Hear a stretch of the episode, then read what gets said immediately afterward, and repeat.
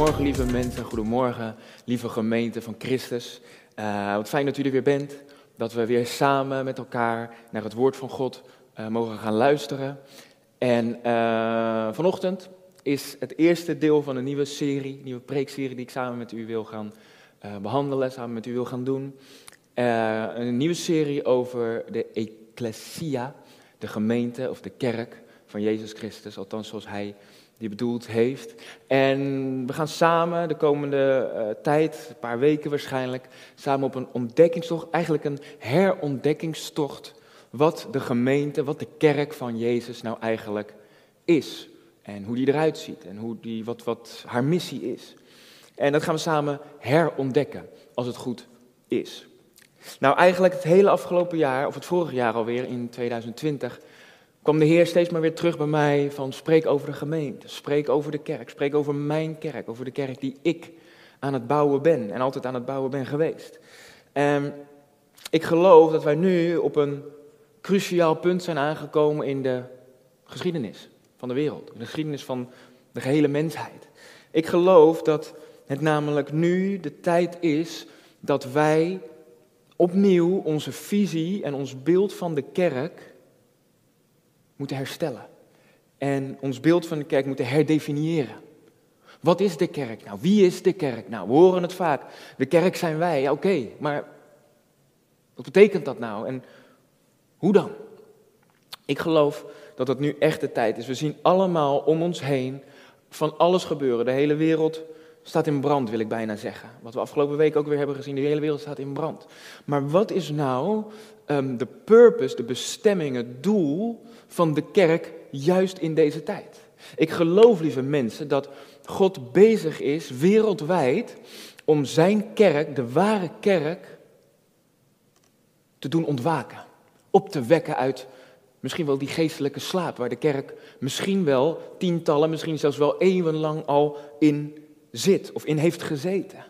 Want vertel mij eens, lieve broer, lieve zus, waarom is de kerk anno 2021 zo heel anders dan de eerste gemeente, dan de eerste kerk?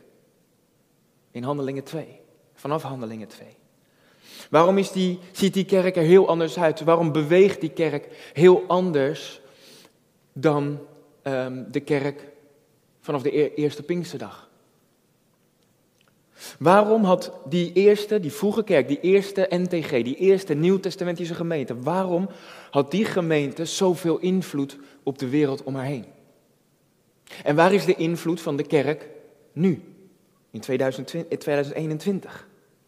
Hoe kan het dat die eerste gemeente zo tot bloei kwam, juist te midden van sociale druk en van politieke vervolging? Hoe kan dat?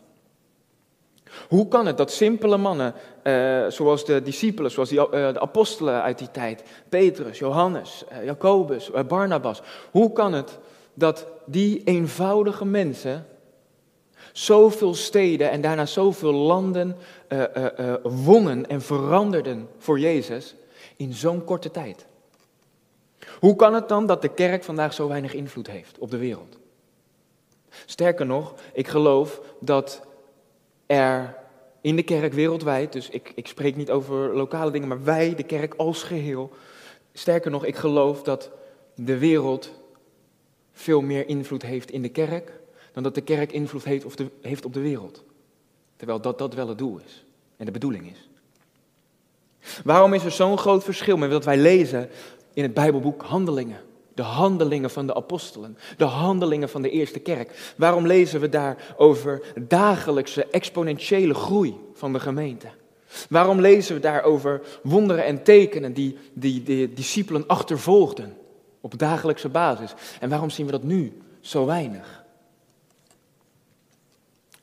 Kan het zo zijn dat wij, de kerk, dat wij zijn vastgeroest in bepaalde structuren. Dat wij zijn vastgeroest in bepaalde gewoontes. Dat wij uh, uh, uh, gewend zijn geraakt aan hoe wij kerk doen. Hoe wij de kerk zien. Want ons beeld is van de kerk. Kan het zo zijn dat wij vastgeroest zijn aan één keer of twee keer per week samenkomen tussen vier muren? veilig en warm en comfortabel. Terwijl de kerk die Jezus bouwde vanaf die eerste Pinksterdag, dat was een groep mensen die hele steden vervulden met de leer van Jezus. Staat er in Handelingen 5, vers 28. Jezus die gebruikt een aantal metaforen om zijn gemeente uh, te duiden. Om uh, zijn gemeente te omschrijven. En een aantal van die metaforen, een aantal van die vergelijkingen zijn zuurdesem, uh, licht, zout en water. Al deze dingen, deze vier dingen, hebben één ding gemeen. Ze moeten gebruikt worden. Ze moeten losgelaten worden. Ze moeten uh, uh, gereleased worden, als het ware. Zuurdesem in een, in een pot of in een kan op zich, ja, dat, gaat, dat gaat niks doen. Dat, dat verzuurt alleen. Maar als je zuurdesem mengt met deeg, dan komt het tot zijn doel, dan komt het tot zijn bestemming. Dan gaat het, het deeg gaat reizen. Dat is de bestemming van zuurdesem. Water dat stilstaat, kijk maar, stilstaand water, dat gaat stinken en, en, en uh, daar groeit van alles in, uh, troep en zo, weet je wel. Maar water dat stroomt, het water dat beweegt, dat geeft leven wat het aanraakt. Dat is de bestemming van water. Jezus zei, u bent het licht van deze wereld. En Jezus zei ook, uh, als, als iemand een lamp heeft als iemand een lamp heeft en je zet daar een korenmaat op of een emmer op, een gesloten emmer, dan heb je niks aan dat licht. Maar licht dat schijnt, dat verdrijft duisternis. Zout in een, in een vaatje, zout in een, ja, in een zoutvaatje, op zich, ja, daar heb je niks aan. Maar als je dat zout gaat uitstrooien over je eten, dan geeft dat smaak en dan gaat dat bederf tegen. Dat is de bestemming van zout. Snapt u, snap jij de metafoor van Jezus? Snap jij wat Jezus wilde zeggen? Hij wilde zeggen dat wij, de gemeente, wij, de kerk van Jezus Christus, wij moeten uitgedeeld worden. Wij moeten uitgestrooid worden. Wij moeten gebruikt worden in de handen van onze God. Randy Clark, die zegt heel vaak, en die zei in het begin van zijn bediening tegen de Heer, Heer, gebruik mij als een cent, als een muntstukje. Ik wil zijn een muntstukje in uw zak, Heer. En u mag mij uitgeven waar u maar wil en hoe u maar wilt. Wij kinderen van God, we moeten uitdelen, uitgegoten worden, uitgestrooid worden.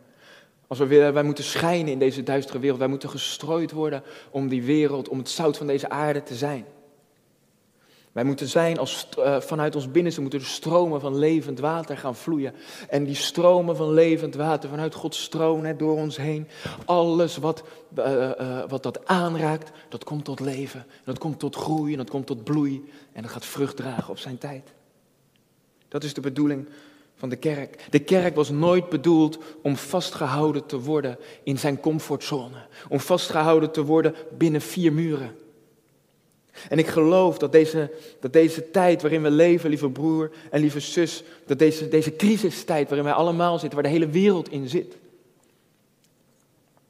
dat God ons als het ware wil dwingen, op een, op een heilige, goede manier, wil dwingen om naar buiten te gaan.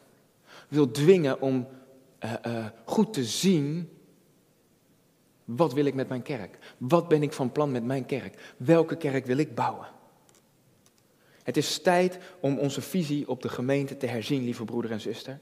De tijd is voorbij dat we de kerk kunnen houden zoals wij dat willen, zoals wij dat fijn vinden. De tijd is aangekomen en aangebroken dat wij de kerk gaan zijn zoals God wil dat die is. Zoals God die bedoeld heeft. En dit is niet eh, ik ga het zeggen aan het begin van deze serie, dit is niet een, een aanklacht tegen de lokale kerk of tegen de lokale gemeente. Dit is niet uh, uh, om, om, om heilige huisjes omver te trappen, althans niet met een negatieve bedoeling. Allemaal positief, zoals God dat wil. Want ik geloof met heel mijn hart dat het, dat, ja, wat ik net zei, dat het de tijd is dat we de kerk gaan zijn. Zoals Jezus wil dat hij is. Niet, zoals, niet, niet naar de kerk gaan zoals wij denken dat hij behoort te zijn. Zoals de diensten, zoals wij willen dat de diensten horen te gaan. Wij moeten daarvan loskomen en daarvan echt van bevrijd worden, lieve mensen. Misschien niet leuk om te horen. En ik als, als, als junior pastor, ik hou van de kerk. Ik hou van de lokale gemeente. Ik zie het belang van de lokale gemeente. Maar ik denk wel, ik weet zeker, dat wij moeten gaan herzien. Uh, en ons beeld van de kerk gaan herstellen naar het beeld wat God heeft van zijn kerk. Het hele doel van deze serie, van deze boodschap van vandaag ook, is dat we ons gaan bekeren. Dat we teruggaan naar de oorsprong naar de oorspronkelijke kracht van de kerk. En dat we, ons, dat we inzien dat wij, hoe wij de kerk hebben gedaan en hebben gezien en hoe wij naar de kerk zijn gegaan, dat dat veranderd moet worden. Ik geloof zelfs dat wij als kerk moeten bekeren, ons moeten bekeren. Dat we ons denken moeten gaan vernieuwen. En dat we moeten gaan leren om niet naar de kerk te gaan, maar de kerk te zijn. Zeven dagen in de week. De kerk is een identiteit. Het is geen uitje of een uitstapje. Je gaat niet naar de kerk, nee, je bent de kerk. Als jij naar een gebouw gaat, een kerkgebouw gaat, dan, dan eh, ga jij, de kerk, naar een vergadering van de kerk, naar een vergadering van gelovigen. Maar het is waar dan ook.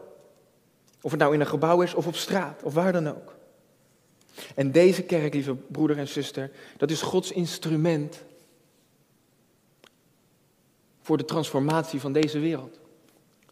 Ik denk dat we het allemaal met elkaar eens zijn dat de wereld aan verandering toe is. Dat de wereld aan transformatie toe is. Dat de wereld moet transformeren diep van binnen. Het hart van de wereld, de ziel van deze wereld.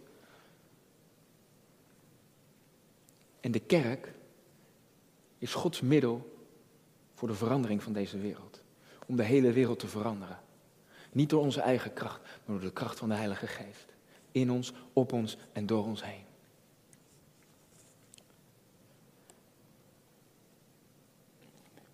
Net zoals God Jezus stuurde naar deze wereld in een lichaam, in een menselijk lichaam, om deze wereld te veranderen.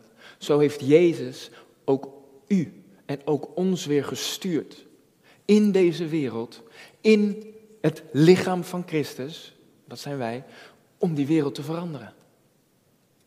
Zoals mijn vader mij gestuurd heeft, zo zend ik ook u, zei Jezus tegen zijn discipelen. En zo zegt hij dat tegen u en tegen ons vandaag. We moeten terugkeren naar de roots, naar de oorsprong van de kerk van Jezus Christus. En zien hoe God het bedoeld heeft. Hoe zijn blauwdruk is voor de kerk. Dus ga met me mee naar Matthäus 16. Want het grappige is, is dat Jezus zelf niet al te veel heeft gesproken, wat zeg ik, maar twee keer heeft gesproken over de gemeente, over zijn kerk. Paulus bijvoorbeeld heeft veel vaker daarna in zijn brieven, want die waren gestuurd naar de lokale gemeentes, uh, over de gemeente gesproken en hoe de gemeente moet zijn en hoe je de orde moet zijn in de diensten en bla bla bla. Nou, niet bla bla bla, maar en enzovoort.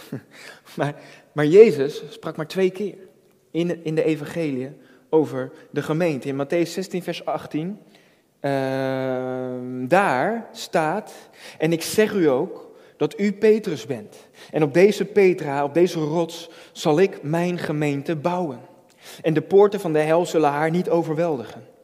En ik zal u de sleutels van het koninkrijk der hemelen geven. En wat u bindt op de aarde zal in de hemel gebonden zijn. En wat u ontbindt op de aarde zal in de hemel ontbonden zijn.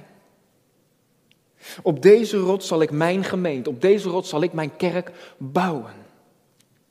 Toen Jezus zei, zal ik mijn kerk bouwen, zal ik mijn gemeente bouwen, had hij het niet over een gebouw. Jezus had het over een volk. Jezus had het over zijn volk. Hij bouwt niet een gebouw, hij bouwt zijn volk.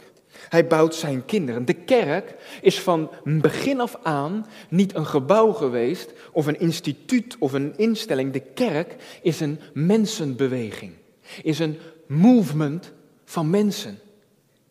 Het is niet een, een, een plaats, het is niet een statisch iets, het is niet, het is niet een, een, een wachtkamer waar uh, alle uh, goede mensen, alle heiligen binnenkomen en wij, wij zitten in die wachtkamer te wachten tot Jezus terugkomt en wij naar de hemel mogen gaan samen met Hem. Nee, nee, nee, de kerk is een beweging van mensen, is een movement. Die eerste nieuwtestamentische gemeente, die begreep dat. Die eerste kerk, die vroege kerk, dat was eerder een organisme. Een organisme is, is levend, is actief, is in beweging, continu in beweging. Was veel meer een organisme dan een instituut. Een instituut is statisch, is stilstaand. Maar een organisme is dynamisch en beweegt en gaat daar waar Jezus gaat. Dat is de kerk. En dat dit Gods plan is met ons, met zijn kerk, met de gemeente, dat kunnen wij zien aan elke opwekking in de geschiedenis van de mens. In elke revival die er geweest is. Of het nou uh, uh, de, de First, Second Great Awakening was in Amerika, of het nou de Azusa Street Revival was, of het nou, maakt niet uit. Maar elke opwekking in de geschiedenis, daar zie je het plan, het doel van God met de kerk. Want wat je ziet is dat er eerst een transformatie begint in de kerk. En vanuit die kerk transformatie komt in de wereld, in de samenleving. Een revival is niet een revival, een opwekking is niet een opwekking als het geen impact heeft op daarbuiten. Op de samenleving, op de, op de wereld, op de natieën.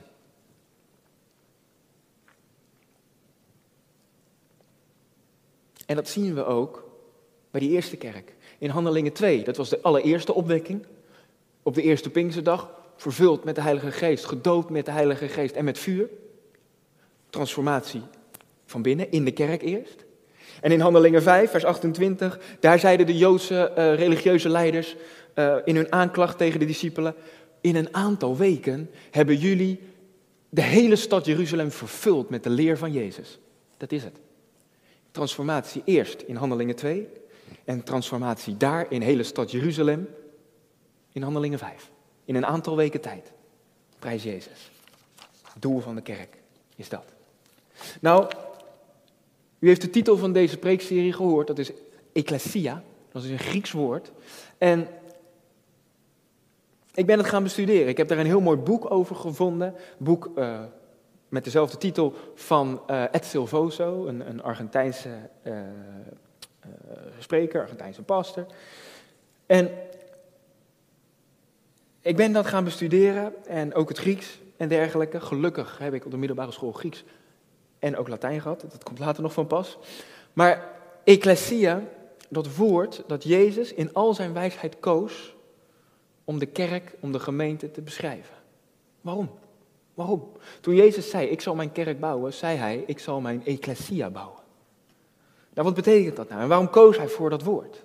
In de dagen van Jezus en in ook al die eeuwen daarvoor, dus in de tijd van de Romeinen, maar ook daarvoor in de tijd van de Grieken, bestond dit woord al. En dit woord was een naam, was een benaming uh, um, voor een seculier, uh, werelds dus, een werelds instituut, een wereldse instelling, dat overheidszaken besliste en bepaalde buiten, op de marktplaats, op het forum. Zoals het Forum Romanum bijvoorbeeld, wat nu nog in Rome staat. Er kwamen dan, was al een vergadering van mannen. En in, het, in, in Griekenland, oude Griekenland, waren dat uh, mannen die uh, minstens twee jaar uh, in, het, in het leger hadden gediend. 18 jaar en ouder. En die kwamen dan samen als er dingen beslist moesten worden. Die kwamen samen in een vergadering, een soort volksvertegenwoordiging, zoals we die in de democratie kennen, zoals we die in Nederland kennen met de Tweede Kamer, parlement. Zo was dat in het oude Griekenland ook. En een, een voorbeeld daarvan, van zo'n seculiere wereldse ecclesia, kan je vinden in Handelingen 19. Toen was er een geschil en er werden mannen samengeroepen om dat geschil te beslechten en, daarover te beslissen. Nou, waarom koos Jezus er dan voor om dit woord te gebruiken? Een, een wereldse term, wat in de wereld bekend was, wat dus totaal niets met uh, geloof te maken had, of met iets geestelijks, of, of religieus zelfs. Het had daar niets mee te maken, het had alleen maar te maken met, veel meer te maken met iets politieks. Nou, waarom koos Jezus om dat woord te gebruiken toen hij zei, op deze rots zal ik mijn ecclesia bouwen? Waarom zei Jezus niet, op deze rots zal ik mijn tabernakel bouwen? Of mijn tempel bouwen? Of mijn synagoge bouwen? Allemaal religieuze bouwwerken. Waarom zei hij dat niet? Waarom gebruikte hij die termen niet? Waarom een oude wereldse benaming gebruiken? Nou, ik geloof dat Jezus nooit zomaar iets zei of zomaar iets deed. Hij gebruikt dus zijn woorden en elke naam omdat die naam iets specifieks betekent. En ik geloof dat Jezus deze naam koos omdat die het best omvat, het best uh, uh, omschrijft, beschrijft wat God bedoelde en wat God van plan was en is met zijn kerk. Nou, die ecclesia dus, dat was een vergadering, een groep mensen die overheidszaken beslisten op de marktplaats. Nou, even heel simpel beginnen, wanneer heb je een groep? Een groep ben je niet in je eentje. Een groep heb je niet in je eentje, dus minimaal twee personen, ja toch? Als er twee personen zijn, kan je spreken, minimaal twee kan je spreken over een groep. Een bekende soort groep in de Romeinse tijd, van minimaal twee, maar het mogen er ook bij wijze van spreken 2000 zijn, was die, uh, de, ecclesia, de ecclesia in de Romeinse tijd, die heette de Conventus uh, Civium Romanorum. Ik zei het, ik ben blij dat ik Latijn heb gehad. En ik wist dat dat niet voor niks is geweest. De Conventus Civium Romanorum. Vrij vertaald door mezelf, de vergadering van Romeinse burgers. In die tijd, overal ter wereld, want je had het Romeinse Rijk, maar die bestond allemaal verschillende landen. Spanje, maar ook Turkije, Romeinse Rijk, Italië natuurlijk. Maar overal, in al die landen, waar twee of drie Romeinse burgers samenkwamen, dan gold dat waar zij waren, waar zij samenkwamen, gold dat als een stukje Rome. De Romeinse wet gold daar, de Romeinse regels golden daar en uh, de bescherming van de Romeinse keizer, van Caesar, die gold daar. En die twee of drie die daar samenkwamen, die Romeinse burgers, die vertegenwoordigden de Romeinse regering, de Romeinse overheid. Ook al waren ze dus honderden, misschien wel duizenden kilometers van Rome vandaan. Als zij daar samenkwamen, dan, dan heerste daar de autoriteit en de kracht van de keizer. Alsof die keizer van Rome daar was. En daar kwamen zij samen en konden zij met Romeins gezag en met de autoriteit van Rome, konden zij beslissingen nemen. Waar dan ook ter wereld. Doet dat u niet denken aan iets wat Jezus zei? Doet u dat niet denken aan die tweede keer waarin Jezus over zijn gemeente spreekt? Twee hoofdstukken verder in Matthäus 18. Vers 18. Voorwaar, ik zeg u, zegt Jezus, alles wat u op de aarde bindt zal in de hemel gebonden zijn. En alles wat u op de aarde ontbindt zal in de hemel ontbonden zijn. Hebben we in, vers, in hoofdstuk 16 ook al gelezen. Verder zeg ik u dat als twee van u op de aarde iets, wat dan ook, eenstemmig verlangen, het hun ten deel zal vallen van mijn Vader die in de hemelen is. Want waar twee of drie in mijn naam bijeengekomen zijn, daar ben ik in hun midden. Waar ook ter wereld, wij, kinderen van God, de kerk van Jezus Christus, waar wij twee of drie samenkomen in de naam van Jezus, daar is God tegenwoordig. Daar is Hij. Twee of drie, dat is de kerk. 200 of 300 mag ook, 2000 of 3000 mag ook. Maar alleen al twee of drie samenkomen in de naam van Jezus, dat is de kerk van Jezus Christus. Dat is de ecclesia. Waarom? Omdat de koning daar is. Omdat onze koning van onze overheid, de overheid van de hemel, de regering van de hemel, daar in ons midden is. Amen. Daar heerst zijn kracht. Daar heerst zijn autoriteit. Daar komen we samen en daar, daar mogen wij zijn autoriteit dragen. Waarom? Omdat hij er is. Dat is het verschil met die ecclesia van Rome. Die keizer, die Caesar, die zat daar in zijn paleis in Rome. En toch uh, gold daar zijn autoriteit. Dat is het verschil met ons. Wij hebben onze uh, keizer, zeg ik met alle respect, onze koning der koningen, onze heerser van deze wereld, die hebben wij in ons midden als wij samenkomen in zijn naam. Die tegenwoordigheid van God, die rust op zijn volk, die rust op zijn kinderen, dat is het merkteken van de kerk. Dat is het kenmerk van de kerk van Jezus Christus. Wij hebben Hem, onze regeringsleider met een hoofdletter R. Wij hebben uh, uh, ons hoofd van, van de gemeente, het hoofd van de kerk, in ons midden. En dat is Jezus zelf.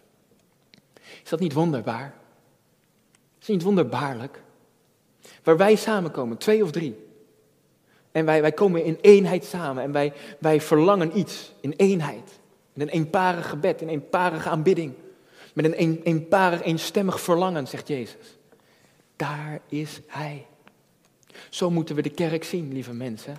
Of we nou op straat met twee of drie samenkomen, of hier in dit gebouw met twee of driehonderd mensen. Het gaat en draait allemaal om zijn tegenwoordigheid hier. Zijn heilige aanwezigheid hier. Daar draait het om en daar valt of staat alles mee. Daar valt of staat de invloed, de impact, de autoriteit van de kerk van Jezus Christus mee.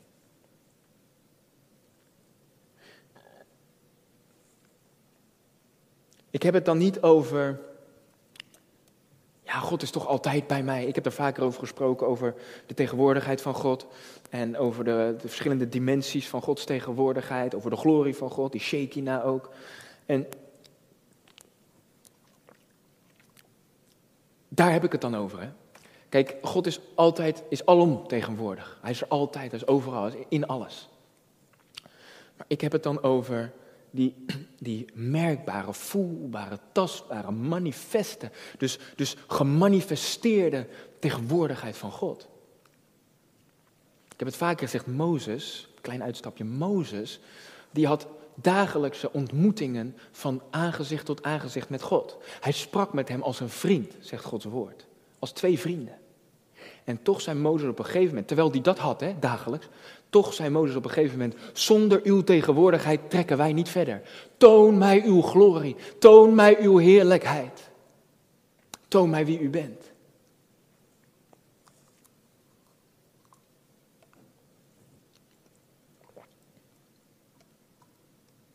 En door die manifeste Shekinah uh, op ons uh, um, hebben wij een ontmoeting met God. En door ons heen kunnen anderen een ontmoeting hebben met God. Door Gods geest die op ons rust. En dat is die, die, die, die tegenwoordigheid van God, die manifeste presence. Die kan je niet, ja, je, die kan je niet leren. Die kan je niet, je kan hem wel bestuderen. Maar wat heb je daaraan als je hem nooit ervaren hebt? Want daar gaat het hem juist om. Het gaat erom dat je die tegenwoordigheid van God ervaart, voelt.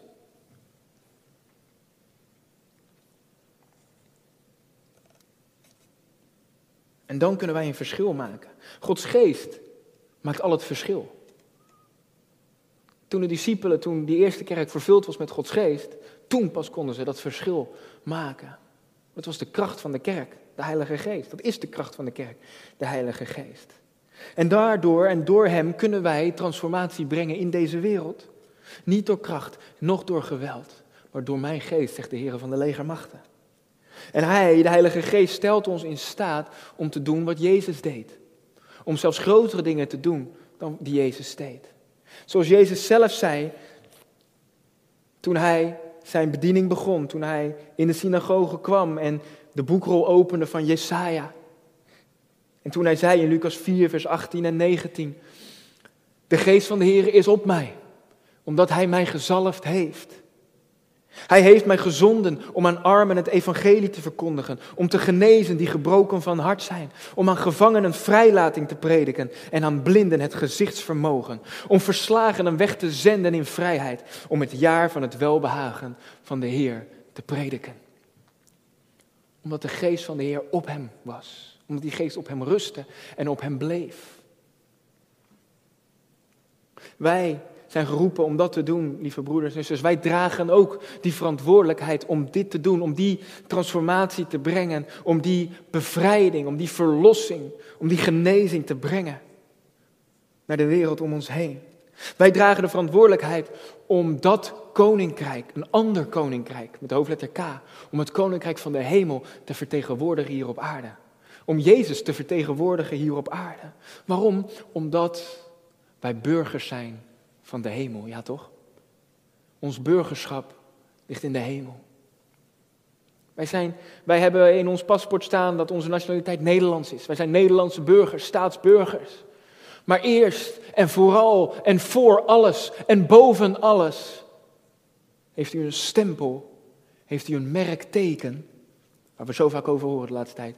Maar het merkteken dat u moet dragen, dat wij moeten dragen, is wij zijn een burger van de hemel, van het hemelse koninkrijk van Jezus Christus. En waar wij gaan, gaan wij dat koninkrijk, gaan wij Jezus vertegenwoordigen hier op aarde. Amen. Nou, hoe? Hoe doen wij dat? Hoe vertegenwoordigen wij dat koninkrijk? Hoe vertegenwoordigen wij die overheid? Daarvoor moet u over twee weken gaan kijken, over twee weken gaan luisteren. Als ik in het tweede deel daarover ga spreken, over de autoriteit van de gemeente. Heel flauw, ik weet het. Maar wat ik nu al wil zeggen, wij doen dat door die twee keren wat Jezus zegt in 16 en 18 van uh, hoofdstuk 16 en 18 van Matthäus. Dat wij moeten binden wat in de hemel al gebonden is. En ontbinden, dus loslaten, wat in de hemel lang ontbonden is. Maar daar gaan we het later over hebben. Maar terug dus, terug dus naar die, die, die tegenwoordigheid van God, die maakt, die maakt al het verschil. Die maakt al het verschil. En daar moeten wij alles voor doen. Daar moeten wij naar zoeken. Zoeken zijn aangezicht. Zoek zijn aangezicht. Aangezicht is vertaald met aangezicht, met gezicht of met face. Maar letterlijk is dat, uh, wordt daar gesproken over de tegenwoordigheid van God. Dus zoek de tegenwoordigheid van God. Zoek de presence van God. Daar moeten wij alles voor laten. Daar moeten wij misschien dingen of mensen voor achterlaten. Daar moeten wij prioriteiten voor stellen. Maar als we die tegenwoordigheid overal met ons meedragen waar wij gaan. En waar wij met twee of drie samenkomen in zijn naam. Dan mogen we weten en mogen wij geloven en in geloof ontvangen. Hij is hier. En waar hij is, daar wordt alles nieuw. En waar hij is, daar komen doden weer tot leven. Waar hij is, daar gebeuren wonderen. Daar gebeuren tekenen. Waar hij is, daar is niets onmogelijk. Dus voor u, kerk, voor u is niets onmogelijk. Omdat God met u is. Omdat God bij u is. Omdat de Heilige Geest in u woont. Omdat de Heilige Geest op u rust. Dan is er niets onmogelijk. Niets is onmogelijk voor wie gelooft. En hen die geloven zullen tekenen volgen. Dus straks, lieve broer, lieve zus, straks als wij weer samenkomen. Ik bid en ik geloof dat dat heel snel zal zijn. Dat denk ik gewoon, dat is geen. Uh, Oké. maar als wij weer samenkomen, of het nou met twee, met drie, met twintig, met dertig, met 200, met 300, met 2000 of 3000 mensen zijn. Als wij weer samenkomen, gaat het erom. Is God hier? Is God hier? Wordt Hij hier geëerd? Heeft Hij hier de ereplaats? Gaat het om wat Hij wil doen vandaag? Gaat het om hoe Hij de dienst wil leiden? Of gaat het om hoe wij vastzitten aan onze liturgie? Hoe wij vastzitten aan de volgorde van de dienst? Hoe wij willen dat de dienst gaat? Hoe wij willen dat, welke, welke liedjes er worden gespeeld? Het gaat om God en Zijn tegenwoordigheid. Heeft Hij er een behagen in om in ons midden te zijn? Het gaat om de tegenwoordigheid van God. Of wij nou straks, of je nou in het mooiste kerkgebouw ter wereld, met de mooiste, met de grootste pracht en praal, met de duurste installatie, met de grootste uh, koor, met het grootste worship team. De mooiste kerk ter wereld. Of we nou daar samenkomen, of dat wij samenkomen zoals er op dit moment mensen samenkomen, twee of drie, vier of vijf, in een grot in uh, Noord-Korea of in Nigeria. Verstopt, verborgen voor de vijand, voor de vervolgers. Of wij nou in het mooiste kerkgebouw ter wereld samenkomen, of dat wij nou een grot in Noord-Korea samenkomen. Wij zijn de kerk van Jezus Christus. En wij zijn niet te stoppen. Waarom? Omdat God bij ons is. En God is met ons, Immanuel. En dan is er niets onmogelijk. En niemand kan dat van ons afpakken. Niemand. En daarom is de kerk niet te stoppen. En is de kerk onwankelbaar. Omdat God er is. Daar heerst Hij, daar heerst Zijn gezag. Daar heerst Zijn wet. Zijn wet van de geest van het leven heerst daar. En dat is de ecclesia, lieve mensen. Elke groep, sprekend met gezag, een hemelse regering vertegenwoordigend, samenkomend, niet in een gebouw, maar buiten, op de meest openbare plek, op de marktplaats, bij de Jumbo, bij de Albert Heijn, waar dan ook. Waar we samenkomen, zoals de, de, de vroege kerk, de eerste kerk samenkwam, op de meest openbare publieke plek. Waar iedereen ze kon horen, waar iedereen ze kon zien, waar iedereen mocht horen, Jezus leeft en Jezus is overwinnaar. Dus kom met je zonde, kom met je ziekten, kom met je zorgen en word bevrijd en word vrijgezet in de naam van Jezus. Dat is wat zij predikten. Dat is wat Petrus, dat is wat Johannes predikten. Zilver en goud heb ik niet, maar wat ik heb, dat geef ik u in de naam van Jezus, wees genezen. Sprekend met het gezag van de overheid van de hemel. Sprekend met autoriteit. Overheidszaken beslissend, overheidszaken van de hemel beslissend.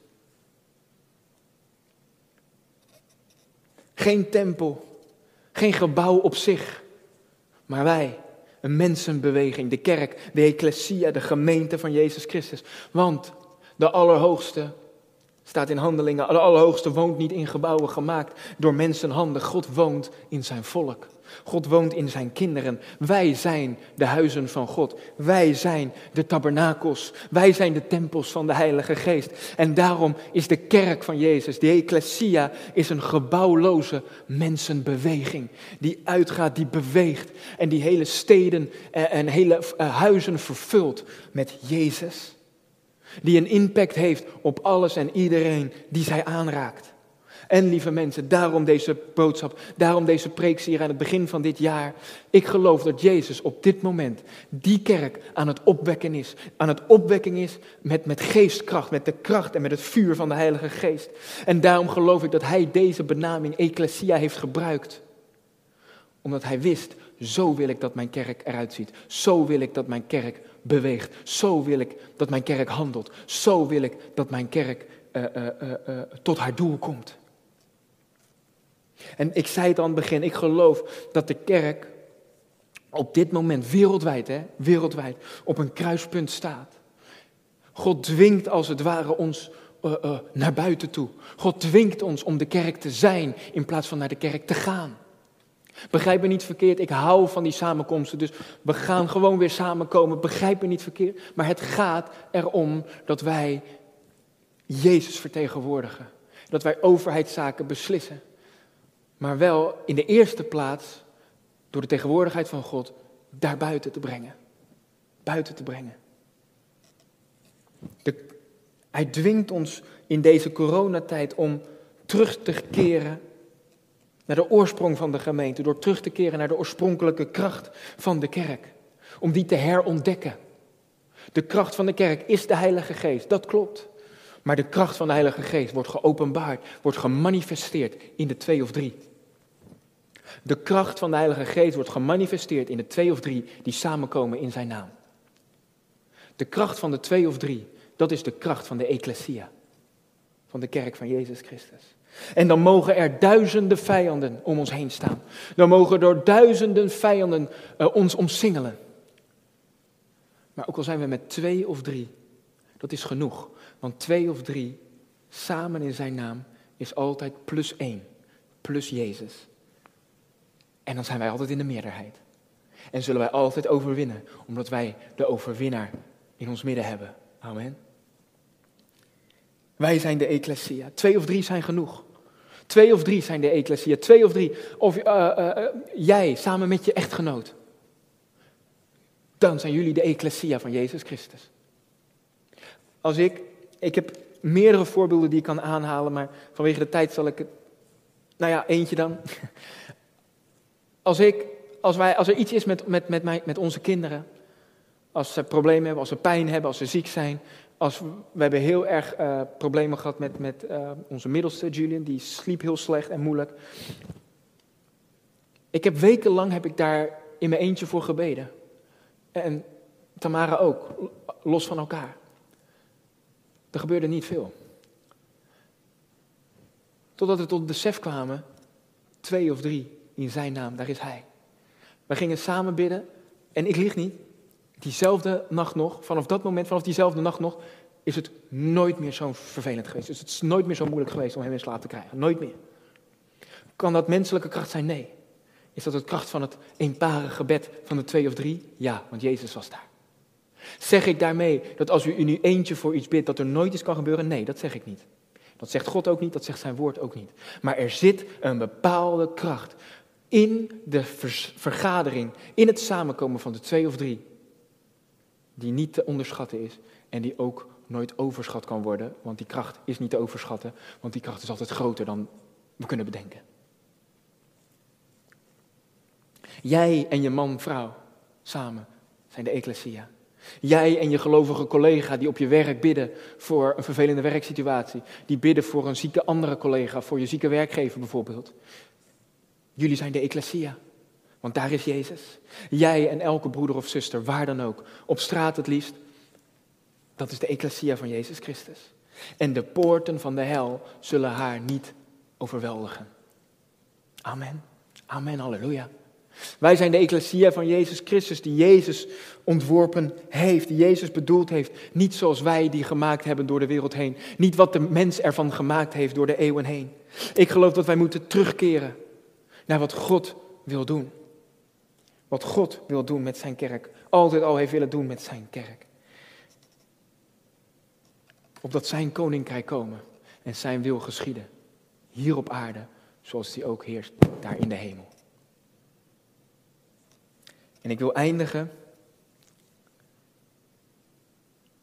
met profetische woorden, met een visioen van profeet Arleen Westerhof, een bekende Nederlandse, maar ze is wereldwijd bekend, profeet Arleen Westerhof. En ik heb dit niet opgezocht, u moet het van mij aannemen. Ik ben dit toevallig deze week tegengekomen, dit visioen van haar, wat ze al een aantal maanden geleden had, aan volgens mij aan het begin van de coronatijd. Ik ben het toen pas tegengekomen, een paar dagen geleden. Toen had ik deze boodschap al af.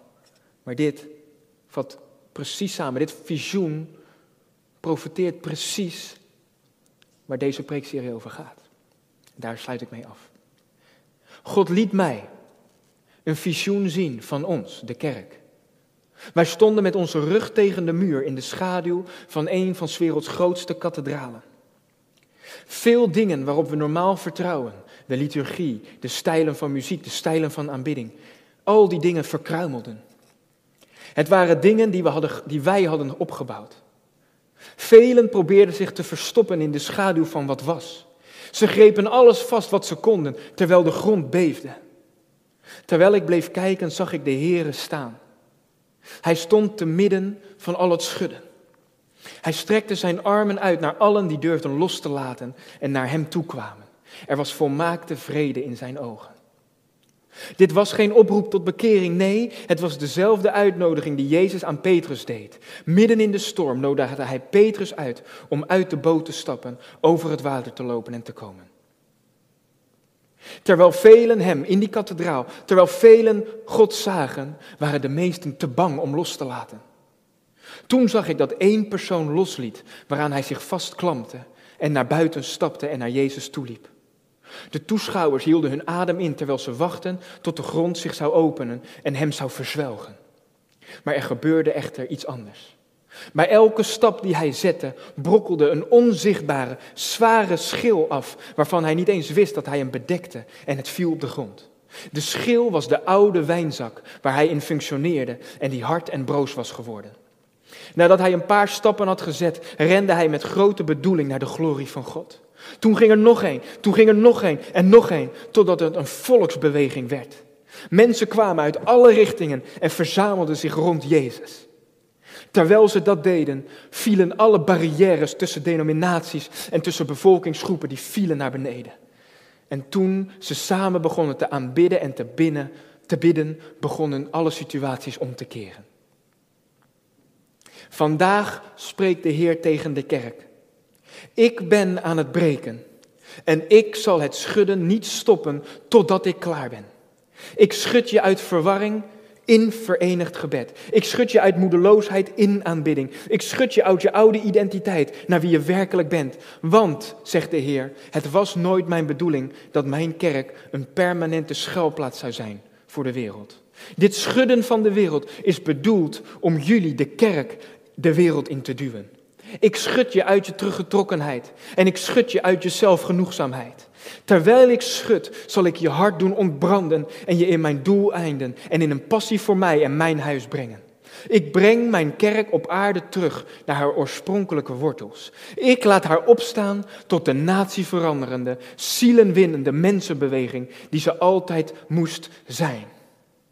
Als je het schudden omarmt, omarm je mijn reset. Ons thema van onze gemeente dit jaar. Reset, repent, revival. Kom terug naar de oorsprong, naar de wortels van de ecclesia, de wortels van de kerk. Repent, bekeer van alle jaren dat wij kerk hebben gedaan of hebben gespeeld. En we gaan samen een revival zien. Transformatie in de kerk. En een transformatie naar de wereld, in de wereld, daarbuiten. Wie is er klaar voor om los te laten? Alles wat wij gewend zijn geraakt aan de kerk. Wie is er klaar voor om alles los te laten? Ons oude beeld van de kerk. Maar dat we nu gaan bewegen. Wie durft er om op te staan om te gaan bewegen als de ecclesia van Jezus Christus, zoals Hij die bedoeld heeft? Wie durft zichzelf over te geven en te zeggen, ja, ik wil staan met beide voeten in het plan van God voor mij en voor Zijn kerk in deze wereld? En wie dat wil, ik nodig u uit om op uw plek, misschien klinkt het raar, misschien denkt u en voelt het raar, maar vraag ik om een moment op te staan. Ook al staat u in uw woonkamer, waar u ook bent, ga opstaan als u dat bent, als u dat wil, als jij dat wil. Als jij zegt, ja, ik wil loslaten, alles wat ik gehoord heb, alles wat ik geleerd heb. Mensenregels, menselijke instituten, menselijke bedenksels. Ik wil de kerk zijn die Jezus ontworpen heeft, die Jezus bedoeld heeft. Vader, wij komen tot u. Onze hemelse Vader. Ons hoofd van ons kerk. Ons hoofd van ons lichaam. Vader, wij komen tot u in nederigheid en in eerbied voor u, Heer. En wij willen komen tot een reset. En wij knielen voor u neer. En verootmoedigen onszelf voor u. Vader, wij bidden tot u en wij zoeken uw aangezicht en wij vragen u om vergeving. Van al die jaren dat wij kerk hebben gedaan. Dat wij naar de kerk zijn gegaan zonder te beseffen wat het inhoudt om de kerk van Christus te zijn. Vergeef ons al die jaren dat wij verspild hebben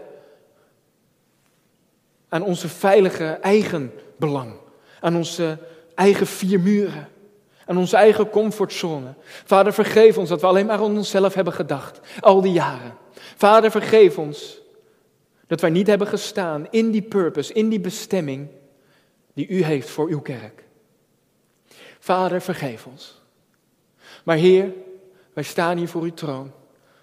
En wij willen een nieuw start maken en zeggen, ja Heer, aan het begin van 2021. Doe uw wil met uw kerk door ons heen. Have your way. Have your way. Have your way.